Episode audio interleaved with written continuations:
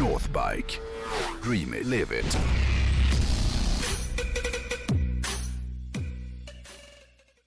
Vi snackade ju tidigare om eh, vad som krävs för att en specifik bil ska räknas som en kultklassiker. Eh, Och den här frågeställningen lirar ganska bra med ämnet som jag tänkte snacka om nu. För jag tänkte nämligen snacka om motorcykelikoner.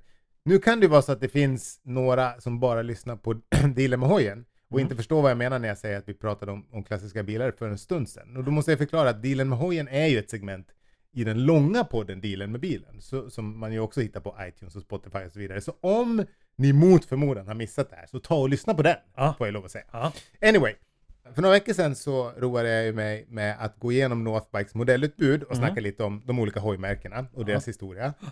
Och från och med idag och några veckor framåt så tänkte jag återvända till vart och ett av de här hojmärkena som Northbike säljer och lyfta fram en ikon från varje märke. Eh, för varje enskilt märke har ju oftast en modell som har blivit Är det här- legendarisk. Är det här det ikoniska avsnittet? Ja, jag tror fan det. Ja. För den här... bi- Varför, varför ska vi alltid sätta ett, ett epitet på avsnittet? Så mest för vår egen skull. Ja, det är det lite känns roligt. bra. ja. mm.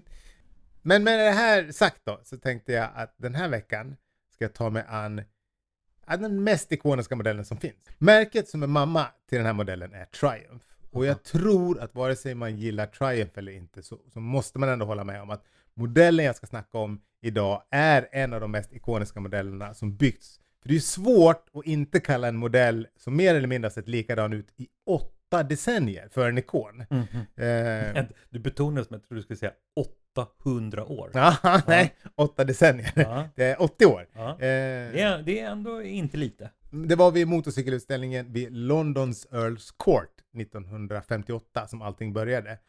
Eh, för det dröjde inte så lång tid efter att utställningen hade slagit upp dörrarna innan man förstod att det var en då helt ny motorcykel som skulle komma att bli the talk of the town, eller the talk of the show åtminstone. Ja. Namnet som det viskades om med andakt var Triumphs Bonneville.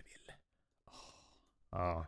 Den här hojen hade ju precis allt som en hoj behövde ha för att bli herre på täppan vid den här tiden. Framförallt namnet. Ja, precis. Jag ska återkomma till namnet. Ja. Eh, den hade en ny, helt ny motor på 46 hästkrafter som, som gjorde att den fick en toppfart på lite drygt 180 km i timmen.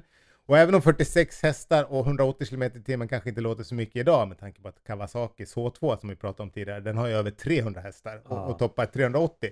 1958 så var 46 hästar och 185 knyck, det var ganska mycket trots allt. Men prestandan eh, var bara halva anledningen till varför den här hojen slog ner lite som en bomb. Designen var nämligen lika gracil och sexig som priset som låg på ynka 300 pund. Och det var väldigt billigt för en sån här hoj redan på den tiden. Jag tror att det motsvarar ungefär 80 000 kronor med dagens penningvärde. Och det är ju billigt för en värstinghoj ju. Ja. Namnet Bonneville då, som du var inne på, eh, det är ju inte direkt eh, engelskklingande. Nej. Men den här nya hojen... Det är därför jag gillar den så otroligt mycket. Ja, det, ja det, den känns ju väldigt Kalifornien. Men den hade i alla fall fått sitt, sitt namn eh, som en hyllning till det hastighetsrekord som Triumph hade satt i Bonneville två år tidigare. När de hade lyckats pressa upp en av sina hojar i hela 344 km i timmen. Ja, det är mycket. Bonnin, som den kallades då, den blev omedelbart en ikon. Eh, och tävlingsmodeller av den här hojen med lite högre styre och, och det liksom klassiska peanut-tanken såldes som smör både i England och såklart eh, även i resten av världen, men kanske framförallt i Kalifornien. Ja. Jag snackade ju förra veckan tror jag det var om eh, Marlon Brando och filmen The Wild One. Och, och precis som många felaktigt tror att James Dean körde ihjäl sig i en Porsche Spider så tror jag att många tror att Brando eh, körde en Bonneville i The Wild One. Men det var faktiskt en Thunderbird som han körde. Hastighets Thunderbird. Thunderbird. Eh, hastighetsrekordet i Bonneville eh, och Brandos traja i The Wild One hade hur som helst krattat manegen för Bonnevillen. Så när den kom så var det inte så konstigt att den blev en favorit för i stort sett varenda wannabe-biker och café och track racer som fanns runt om i världen. Nej. Bonnevillen har haft tre utvecklingsfaser skulle man kunna säga. När Triumph slä, släppte T120 1958 så gjorde man det under parollen världens bästa motorcykel. Så självförtroendet var det inget fel på. Och jag har ju alltid hävdat att de snyggaste modellerna, vare sig det gäller bilar eller hojar, de byggs ju när företag känner att de har medvind och självförtroende. Och det hade Triumph verkligen 1958. T120 hade en parallell twin på 650 kubik och siffran 120 skulle skvallra om hur fort Triumph påstod att den här hojen skulle klara av att komma upp i. Då. 120 miles per hour det är ju 193 km i timmen. Och riktigt så fort gick den ju inte men 185 är ju, det är ju ganska nära i alla fall. Ja, ja, ja. Bonnevillen utvecklades för varje år som gick och den fick en, en kraftigare ram 1963 eh, och då bytte man även ut elsystemet från 6 då, till 12 volt. Eh, och 1971 så introducerade Triumph även sitt Oil in Frame-koncept som gick ut på att motoroljan den fanns liksom inne i ramen istället för, istället för i en separat oljetank. Eh, Och 1972 eh, så blev den dessutom femväxlad. Då. Året därpå så gjorde en ny Bonneville entré.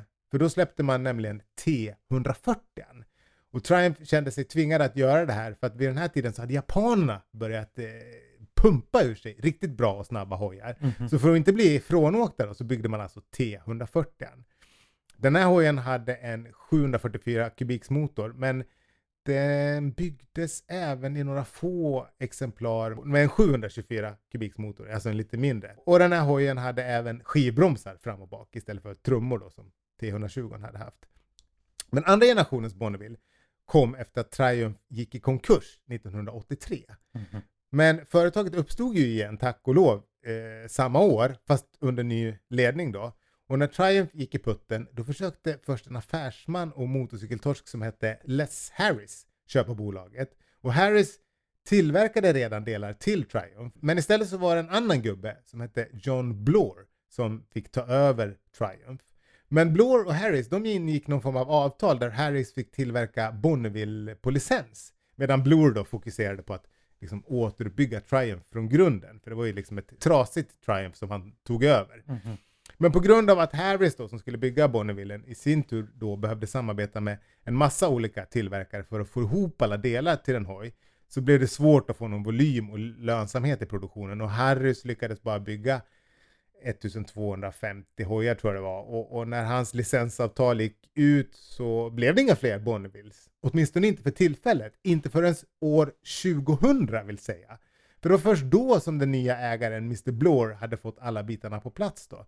Eh, till det som idag är dagens Triumph. Och även om den nya hojen, alltså den som eh, kom 2000, såklart var en helt ny och modern hoj, så hade John Blore den goda smaken att se till att den såg ut som de gamla modellerna. Retrotrenden var ju inte superhet år 2000, så att Triumph ändå valde att låta den nya Bonnevillen se ut som de gamla, det skvallrar ju om vilken ikon de ändå kände att den här hojen var. Mm. Och den nya modellen den hade då en 790 kubiks parallelltvin, men den ökade senare till 865 kubik. Jag tror att det var 2004 eller 2005 som den blev större. Eh, Den hade fortfarande en förgasare ända fram till 2008 när den fick då elektrisk bränsleinsprutning. Men till och med då så lät man skalet till bränsleinsprutningen se ut som en förgasare eh, för att den skulle likna gamla Bonnie då så mycket som möjligt, vilket jag älskar att den fortfarande gör. Sen 2016 så tog Bonnevillen ett rejält kliv uppåt i cylindervolym. Då blev den ju, då kom det ju 900 och 1200 motorn eh, då 2016. Och det här blev ju återigen en supersuccé för Triumph och man började utveckla syskonen till Bonneville som var baserade på samma 1200 motor som Bonnevillen hade då. Och när jag säger syskon då, då menar jag verkligen att det var syskon för man var supernoga med att föra vidare liksom Bonnevilles formspråk eh, i de här syskonmodellerna.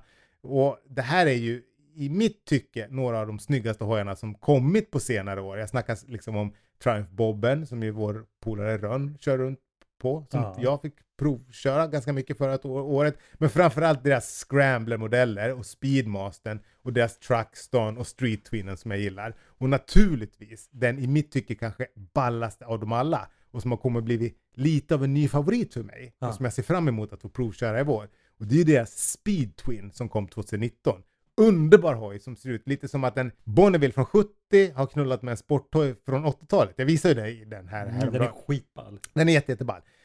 Antagligen så är det just den här kombinationen av design från min barndom, alltså på 70-talet, och min ungdomstid på 80-talet som gör att jag är så kär i den här hojen. Och hade det inte varit för att Bonnevillen är så ikonisk med sin tidlösa design så tror jag att retrohojar som Speed Twinnen och Scramblen och Truckstone och så vidare, de hade nog aldrig sett dagens ljus.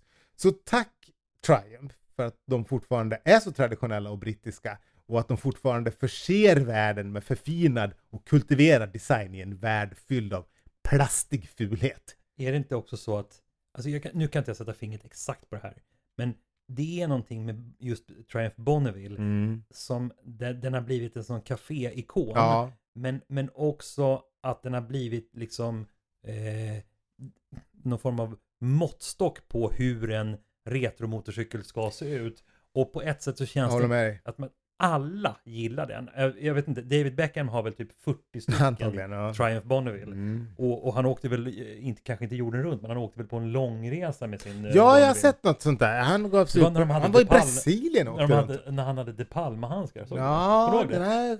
Det var en konstig ja, grej. Eh, men men det, det är ungefär som att alla gillar 69 Camaron. Ja, Eller 70 ja, ja. du vet. ja. Det, det, Men det är ju liksom också Steve McQueen-hojen och liksom Kalifornien på 60-talet. Men liksom den, den, den, ja, du har helt rätt i att den liksom får stå modell för alla retrohojar. Jag vet att Royal Enfield har ju släppt en ny hoj nu som är, ja, snar. Det, det andas ju också väldigt mycket Bonneville. ja, Mm. Det var veckans hoj för den här veckan. ja, men den är, den är ikonisk. Ja, det är den.